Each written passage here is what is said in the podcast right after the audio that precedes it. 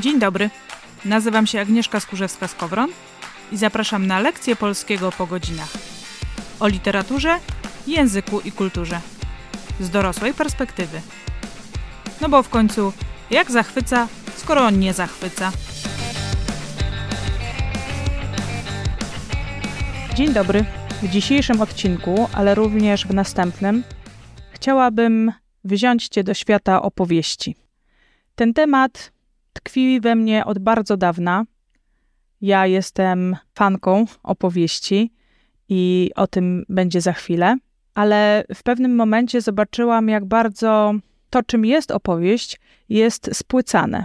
Zwłaszcza jeżeli chodzi o tak zwany storytelling marketingowy. Dlatego dzisiaj opowiem Ci o tym, co mm, mnie denerwuje właśnie w storytellingu marketingowym, ale co można wykorzystać z tego, co mówią właśnie marketingowcy, do tworzenia dobrej opowieści. Opowieści nie tylko o Twojej firmie, bo być może jej wcale nie prowadzisz, ale również opowieści o sobie samym, o sobie samej. Zapraszam.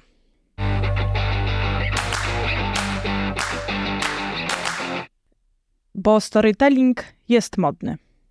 Zwłaszcza w takich przekazach marketingowych, kiedy ja przynajmniej dosyć często słyszę, że musisz stworzyć angażującą opowieść, żeby coś sprzedać. Moda w ogóle na storytelling przypomina nam, że my istniejemy kulturowo dzięki opowieściom. I to one tworzą naszą historię. I jako jednostek, jako członków rodziny, narodu, mieszkańców obszaru kulturowego. Świat cywilizacji, do której my przynależymy, jest już ukształtowany przez pismo, jednak to, co pierwsze, stanowiące fundament, jest właśnie opowiedziane. W ogóle od początku życia słyszymy opowieści, a czytać i pisać uczymy się dopiero po jakimś czasie. I dlatego też opowiadanie, nawet w kontekście biznesowym, wzbudza w odbiorcy pierwotną emocjonalną nutę i pozwala go uwieść, zostawić w nim ślad, który rezonuje i może dać odpowiedź w postaci kupna produktu albo usługi.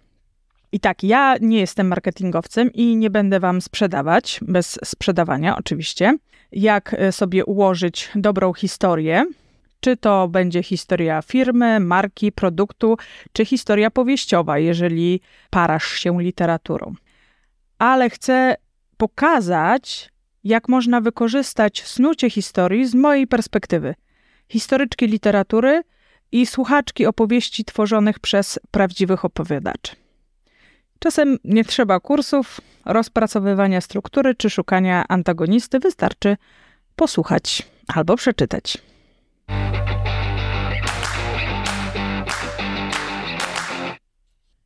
Najpierw krótka opowieść drogi. Mój stosunek do opowieści jest y, no, metafizyczny. Nie utożsamiany z wiarą czy religią, a raczej z pewnym hmm, metapoziomem relacji międzyludzkich. Chodzi o to, że nasze rozumienie świata i wchodzenie w relacje ma strukturę narracyjną, czyli z polskiego na nasze jest opowieścią, pewną historią, bo opowiadamy wszyscy. I mają rację marketingowcy, kiedy podkreślają, że w jakimś sensie każdy z nas jest storytellerem i w codziennym życiu opowiadamy mnóstwo historii. I dlatego, gdy po raz pierwszy spotkałam się z tym terminem w kontekście biznesowym, pomyślałam, że to może być bardzo ciekawe bo opowieści wracają do łask po latach wypierania przez telewizję i wkroczyły również do branży reklamowej na fali zainteresowania nimi. No więc zaczęłam czytać. Każda kolejna strona prowadziła mnie do następnej, tak sieć zataczała coraz szersze kręgi, a ja zobaczyłam w pewnym momencie, jak zmienił się mój stosunek do storytellingu marketingowego. Zaciekawienie i pozytywna reakcja zaczęły ustępować irytacji i zmęczeniu. A pisany wówczas tekst, bo ten odcinek podcastu ma swoje źródło właśnie w e, tekście na ten temat, transformował no, w niezłe monstrum. A spod moich palców na klawiaturze padało coraz więcej ostrzejszych słów. I nadal czytałam, wchodziłam głębiej i głębiej i przekonywałam się, jak to zwykle bywa, ile jeszcze nie wiem. Skakałam między opisami guru marketingowych, a wiedzą specjalistyczną z teorii literatury i językoznawstwa. No i moja irytacja sięgnęła zenitu w głowie no bo gdzieżby indziej, pojawiła mi się wizja machiny marketingowej, która pożera pięknie utkane historie dziadów, dengbeżów, struktury i formy, trawi je, a potem wydala coś, co jest nazywane storytellingiem. No i wtedy się zatrzymałam. No, zaczęłam się zastanawiać, w którą stronę mam teraz pójść. Dowalić krytyką, która rozrosłaby się do objętości doktoratu humanistycznego, czy stworzyć metarefleksję nad opowieścią i tym, czym rzeczywiście jest. Takie wzniosłe mm, filozofowanie. A może wyruszyć w poszukiwaniu pozytywów. No więc wybrałam tę trzecią drogę, a na przewodnika najęłam nikogo innego, ale właśnie opowieść. Bo postanowiłam przede wszystkim sprawdzić, co takiego sprawia, że te w większości jednak no, słabe narracyjnie i pomysłowo również opowieści marketingowe działają, jak twierdzą nauczyciele storytellingu i ich uczniowie. Doszłam do ciekawych, choć może nie wcale odkrywczych wniosków. Ale w tym wszystkim zachwyciła mnie moc opowieści, która odnosi się nie tylko do tych, którzy słuchają, ale najpierw do tych, którzy je opowiadają. Przerwałam czytanie, podążanie za kolejnymi linkami, z tą świadomością, że wiele jeszcze przede mną. Ustaliłam strukturę tego tekstu, który wówczas spisałam, stworzyłam go na nowo. No i oczywiście, jak to w dobrej powieści bywa, nie obyło się bez przeciwności. Tuż przy końcu drogi, kiedy wrogiem okazał się rotawirus w rodzinie. I w końcu jednak dotarłam do kresu mojej opowieści drogi. Posłuchajcie.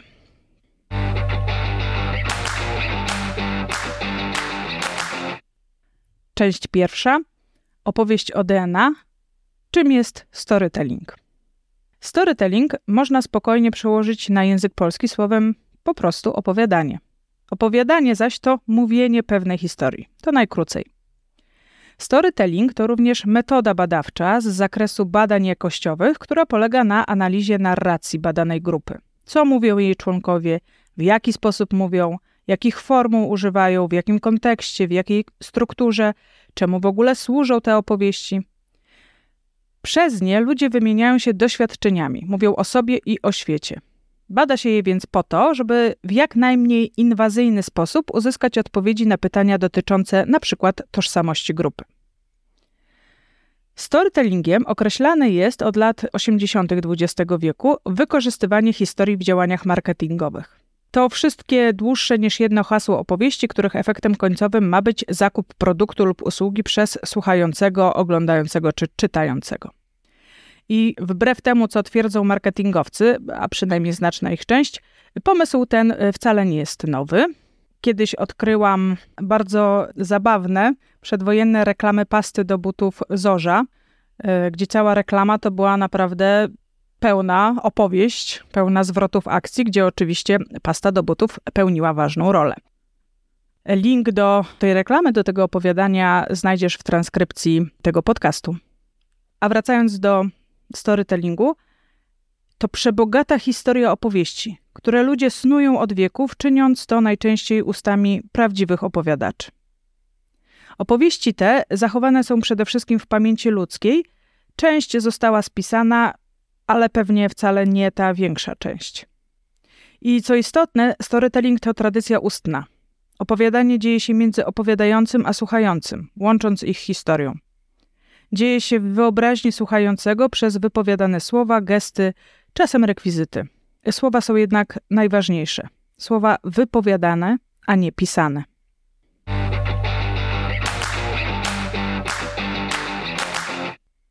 Część druga. Opowieść o bohaterze. Dobra opowieść jest jak superbohater. Każdy chciałby ją mieć na swoje potrzeby, ale ona nie każdemu chce pomagać. Z czego bierze się jej moc? Specjaliści od storytellingu marketingowego wskazują na trzy elementy niezbędne do tego, by opowieść była dobra i skuteczna. Popatrzyłam na nie swoimi oczyma literaturoznawczyni, jak również badaczki kultury i mam takie oto przemyślenia o super opowieści. Po pierwsze, autentyczność. I nie chodzi tu o zwyczajne mówienie prawdy. Okłamanie również nie. Czy należy mówić tylko i wyłącznie o tym, czego się samemu doświadczyło? Jasne, że nie. Czy należy wymyślać historię rzekomych klientów? Oczywiście, że nie. O co chodzi z tą tak podkreślaną przez wielu autentycznością? I odpowiedź, jak zwykle, można znaleźć w opowieści. Jarek Kaczmarek, jeden z opowiadaczy z grupy Studnia O, tak definiuje autentyczność. Opowiadacze pragną być sobą na pełen etat. Można powiedzieć, jeżeli interesujesz się innymi kulturami, uwielbiasz podróże i te przeżyte na własnej skórze i te odbyte na skrzydłach literatury, jeśli interesuje Cię historia własnego miasta i przodków albo snucie wizji futurystycznej przyszłości, albo jeśli pasjonuje Cię fizyka kwantowa, sztuka kulinarna, a może życie zwierząt i roślin, zbuduj wokół swojej pasji opowieść i podziel się nią z innymi. A wtedy może się okazać, że otworzy się przed Tobą niespodziewana ścieżka, na której będziesz się stawał opowiadaczem. Tym, który opowiada swoją historię, choć niekoniecznie wprost o sobie samym. Taki autentyzm nie jest jedynie postulatem, ale wymogiem samej formy opowiadania. Opowiadacze z różnych stron świata, czy to śpiewak eposów Rezbaj Isakow z Kirgizji, czy Nestor francuskiego kręgu opowiadaczy Bruno de la Salle, zgodnie powtarzają, że aby dobrze opowiadać historię, trzeba ją widzieć. A żeby ją dobrze widzieć, musi być ona dla opowiadacza bliska i ważna. Musi on mieć silną, osobistą motywację do dzielenia się nią z innymi. Wtedy niejako historia opowiada się sama, a jej energia kieruje doborem właściwych środków ekspresji. No i teraz wydaje mi się, że problem wielu opowieści firmowych polega na tym, że to tylko struktura, forma bez treści. Niby są perpetie, emocje, rozpoznanie. Paweł Tkaczyk, znany właśnie taki guru marketingowy, używa na to greckich terminów z tragedii antycznej, no ale ja nie będę okaleczać tradycji z prowadzeniem anagnorisis do momentu aha. To wszystko złożone do kupy wygląda bardzo efektownie i działa, powodując u odbiorcy określoną reakcję. Tylko to nie znaczy, że jest to opowieść, a firma opowiadaczem. Owszem, pieniądz, zysk, władza czy sława potrafią być ważne dla opowiadacza i stanowić silną motywację do mówienia o tym. Nadal nie jest to opowieść, a sprawny tekst marketingowy. Gdzie moim zdaniem najlepiej działa taki storytelling marketingowy? W biznesach osobistych. Tam, gdzie rzeczywiście opowiadaczem jest jednostka, a nie firma. Wtedy autentyczność ma szansę być autentyczną. W firmach również działa, ale tylko wtedy, gdy mają one pieniądze na to, by zatrudnić cały sztab specjalistów tworzących historię. I wtedy pojawia się na przykład reklama e, z dziadkiem, który uczy się języka, żeby móc się porozumieć z wnuczką, ale nie łudźmy się, z osobistym przekazem właściciela firmy ma to niewiele wspólnego. I jeśli chcesz być autentyczny, tworząc swoją opowieść, nieistotne, czy jest to opowieść firmowa, czy tworzysz literaturę, czy po prostu mówisz o sobie, dziel się swoją pasją, nawet jeśli sprzedajesz rury PCV. Co cię napędza? Czym chcesz się podzielić? To są te dobre pytania, które również stawiają marketingowcy. Trzeba je tylko odczytywać w dobrym kontekście i nie jest nim dążenie do tego, by tworzyć opowieści na miarę Szekspira. A z tym też się spotkałam. Po drugie, emocje. Oksytocyna, kortyzol, mózg, reakcje chemiczne, przyjemność, działanie to wszystko wyłania się z badań przeprowadzonych przez Paula Zaka. E, jeżeli interesuje Cię, jak działa mózg odbierającego opowieść, to polecam tekst Why Inspiring Stories Make Us React The Neuroscience of Narrative. Specjaliści od storytellingu marketingowego również przeczytali ten tekst, jak i inne dotyczące tematu. No i teraz doradzają, jak za pomocą słów spowodować wydzielanie się w mózgu klienta oksytocyny i kortyzolu, które razem powodują u człowieka impuls do działania, w tym przypadku związania się z naszą firmą. A w konsekwencji oczywiście kupno produktu. Teraz się trochę wyzłośliwie, bo ja akurat wiem, kiedy te dwa związki wydzielają się w nadprogramowych ilościach, podczas porodu. No i wystarczyło mi doświadczenie tego cztery razy i nie potrzebuję storytellingu do tego, żeby je powtarzać. Oczywistą oczywistością jest mówienie o tym, jak emocje wpływają na powstawanie relacji, podejmowanie decyzji, zapamiętywanie. Odkrycia w dziedzinie neurologii służą zarówno w terapii, jak i w edukacji, polityce czy no, w końcu w reklamie. Dobrze mieć świadomość, że w ten sposób działają nasze mózgi i wspomagać osiąganie celów przez sięganie do zdobyczy nauk neurobiologicznych czy neurochemicznych. Dobrze jest też mieć świadomość, że inni chcą tę wiedzę wykorzystać w relacji z nami, zwłaszcza jeśli chodzi o władzę i pieniądze. No ale co z naszymi opowieściami? Tak, dobra opowieść i dobry opowiadacz potrafią w słuchających wyzwolić wiele emocji, pozytywnych i negatywnych. Co ciekawe, dzieje się to często pozarozumieniowo. Kiedyś miałam okazję uczestniczyć online w takim właśnie wydarzeniu storytellingowym. I wśród kilkorga opowiadaczy gwiazdą była francuska opowiadaczka Malika Halbaoui. Ja nie znam francuskiego. Opowieści słuchałam w domu, miałam słuchawki na uszach, tłumaczka co jakiś czas przekładała treść. Tylko, że ja właściwie tego nie potrzebowałam. Malika opowiadała tak sugestywnie, całą sobą, że znając zarys historii, nie musiałam znać poszczególnych słów, żeby zrozumieć o co chodzi. I wcale nie chodziło tu o kunszt aktorski, a właśnie o autentyczność opowieści, opowiadania i opowiadaczki. To właśnie docierało do mnie i wywoływało te określone emocje, które, co również mnie zadziwia, pamiętam do teraz. I teraz, czy możliwe jest takie wywołanie reakcji w opowieści, no nie wiem, o firmie, o swoim produkcie czy o swojej wizycie u dentysty? No, to zależy.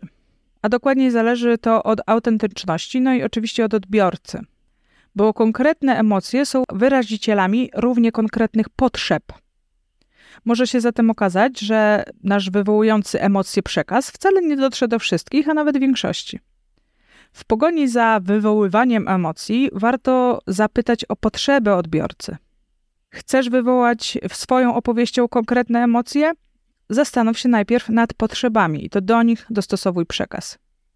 W tradycyjnych opowieściach strach, radość, zaskoczenie to podstawowe emocje, które pojawiają się jako znaki potrzeb, porządku, bezpieczeństwa, autentyczności, wolności. Na przykład strach pokazuje nam, czego się boimy utracić, co jest dla nas tak ważne, że zagrożenie tego wywołuje w nas lęk. A wszystkie trudne emocje najlepiej doświadczyć w bezpiecznym miejscu. Tym są właśnie wszystkie historie. Czy to opowiadane, czy czytane, czy oglądane. To bezpieczne otoczenie, w którym możemy przeżyć to, od czego w życiu realnym najczęściej uciekamy. Na tym polega m.in. siła bajek w życiu dzieci, na tym polega m.in. siła fikcji literackiej. Znajomość działania emocji to potężna broń. Może ona służyć dobrym i złym celom. Można również tym mieczem króla Artura zabijać muchy. Zależy od nas, do czego go wykorzystamy.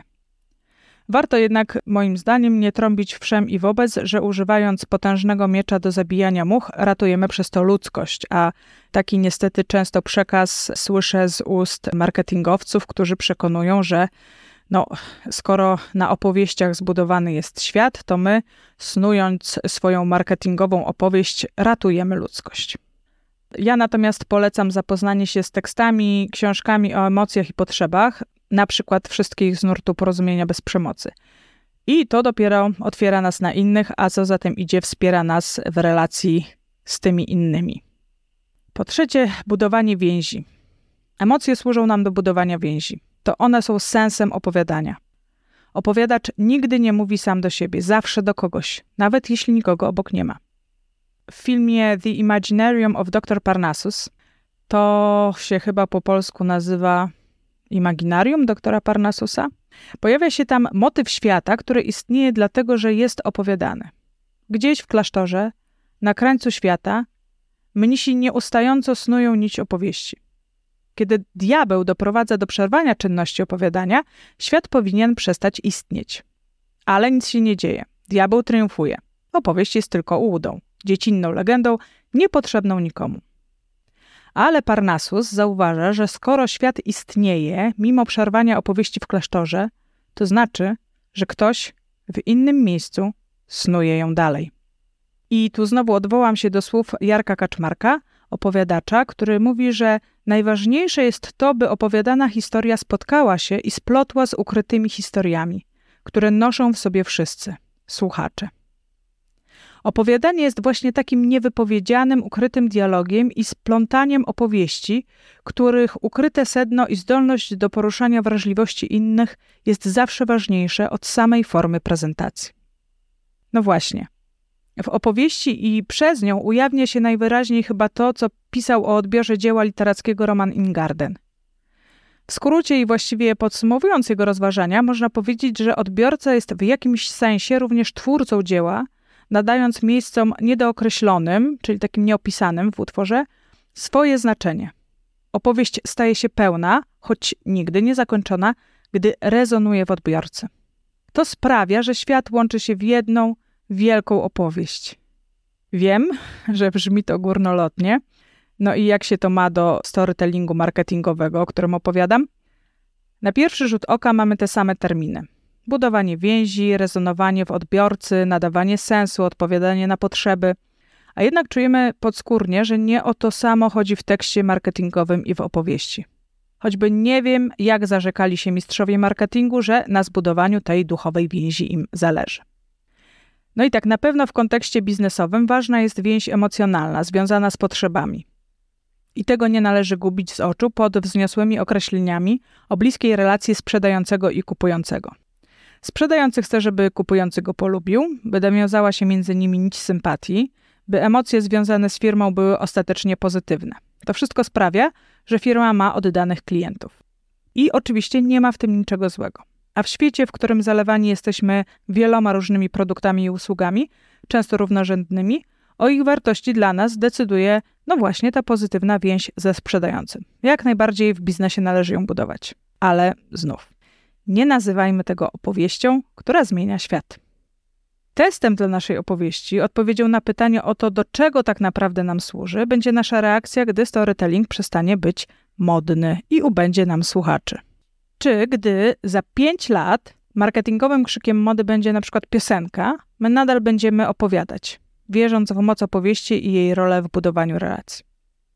Czy jeśli my przestaniemy opowiadać swoją firmową opowieść, będzie ona kontynuowana gdzieś indziej? Może więc nie ma sensu szukanie metafizycznych uzasadnień storytellingu marketingowego, tylko zwyczajne korzystanie z narzędzi, które daje tradycja opowiadania. Po czwarte, opowieść o opowieści. Struktura to modne słowo, często pojawiające się w kontekście storytellingu właśnie. Całkiem słusznie zresztą, bo znajomość zasad formalnych wspiera w tworzeniu dobrych historii. W tekstach marketingowych pojawiają się często odniesienia do struktury bajek magicznych według Propa czy piramidy Freytaga. Sens tych odniesień sprowadza się do tego, by pokazać, że stworzenie dobrej opowieści to nie wiedza tajemna. Wystarczy znać triki formalne i jesteśmy w stanie po odpowiedniej praktyce, najlepiej pod okiem mistrza, marketingu oczywiście, zaczarować naszego rozmówcę swoimi słowami. Bardzo często przywołuje się w tym kontekście greckich tragików czy Szekspira. Dobrze jednak pamiętać o tym, że greckich tragików było zaledwie kilku, Szekspir był jeden. Nie o samą bowiem formę chodzi.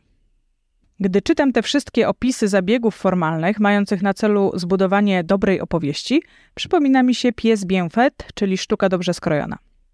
Jej zasady stworzył w XIX wieku Eugène Scribe, a sama sztuka dobrze skrojona stała się wyznacznikiem dobrej sztuki we francuskim, a potem w europejskim teatrze swego czasu. Scribe również mówił o zawiązaniu akcji, komplikacjach, bohaterze, antagoniście itd. Tak ale teraz tak, nawet jeśli nic z tego nie czytałeś, nie czytałaś, to takie imiona jak Sofokles, Eurypides, Szekspir gdzieś ci się obiły o uszy.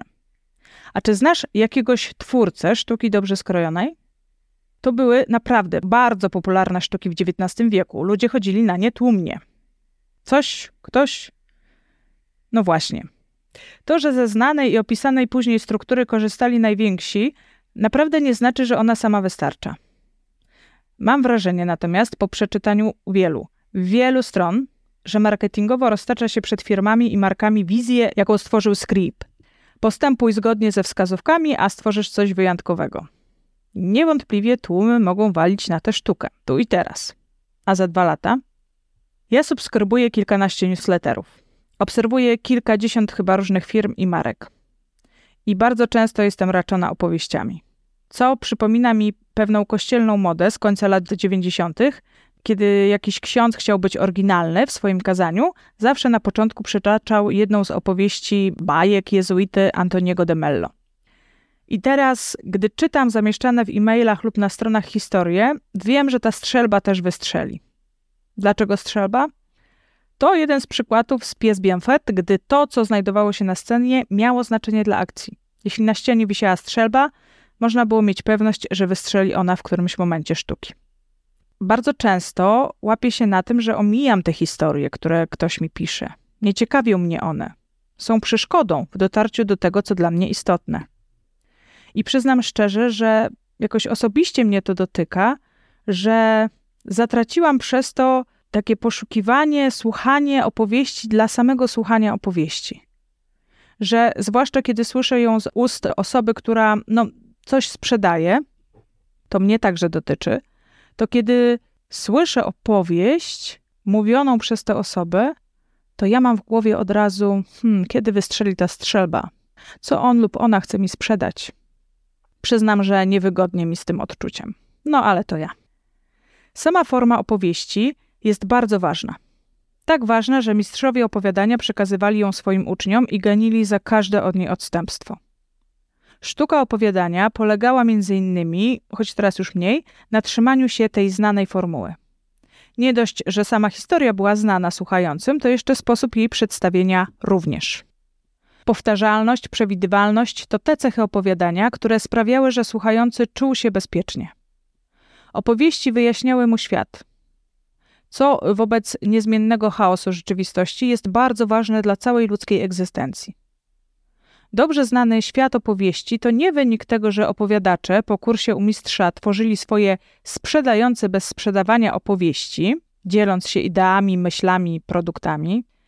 Powtarzalność form w bajkach, mitach, opowieściach, sztukach, powieściach to próba poradzenia sobie z chaosem rzeczywistości. To chęć dotarcia do prawideł rządzących światem. Bo jeśli nic nie jest stałe, pewne, człowiek zaczyna wariować. Po prostu. I tu skrywa się cały sens formy. Formy opowieści. To porządek, a nie sprawność w sprzedawaniu.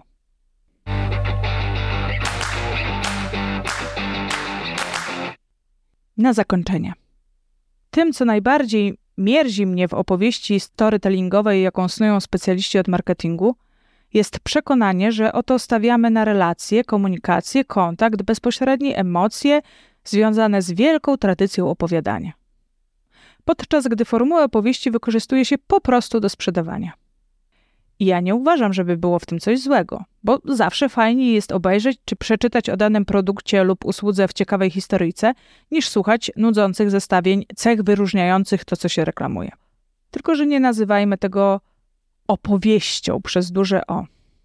W reklamach od dawna stosuje się środki stylistyczne znane np. z poezji, metafory, porównania, synekdochy wiele innych. Czy to sprawia, że reklama staje się wierszem?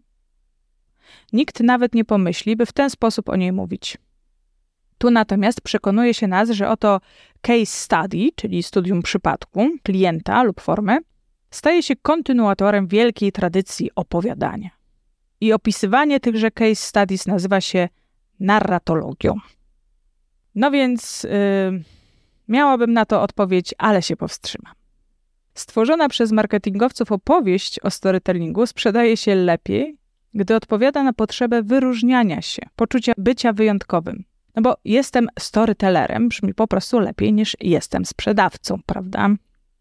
Dlatego korzystajmy z opowieści. Tak jak korzystamy z poezji, dramatu, powieści, filmu. Czytajmy, słuchajmy, oglądajmy – Naprawdę zawsze mnie zadziwia, jak wielki wpływ na codzienne życie może mieć sztuka. Również gdy jej elementy wykorzystuje się w celach marketingowych. Warto jednak oddzielać to, co sztuką jest, od tego, co tylko korzysta z jej narzędzi. I warto nie obiecywać sobie, że po kursach storytellingowych zostaniemy Szekspirem reklamy. Nie zostaniemy. To znaczy, może ktoś zostanie, ale nie należy się na to nastawiać, patrząc na to, ilu autorów rzeczywiście możemy porównać z mistrzem ze Stratford. Da się bez opowieści sprzedać produkt. Zamiast więc ślęczeć nad budowaniem charakteru bohatera i szukaniem antagonisty, ja proponuję posłuchać prawdziwych opowiadaczy. Na przykład raz w roku w Warszawie odbywa się Międzynarodowy Festiwal Sztuki Opowiadania. Pojawiają się wtedy opowiadacze naprawdę z całego świata. I są to wspaniałe doświadczenia. Gorąco zachęcam do udziału w tym festiwalu i myślę, że z tego może być o wiele więcej pożytku niż z kolejnego kursu storytellingowego.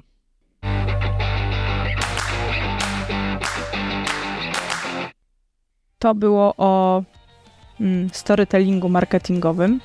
Natomiast w kolejnym odcinku zapraszam Cię do wysłuchania opowieści, opowieści osobistej. Do usłyszenia.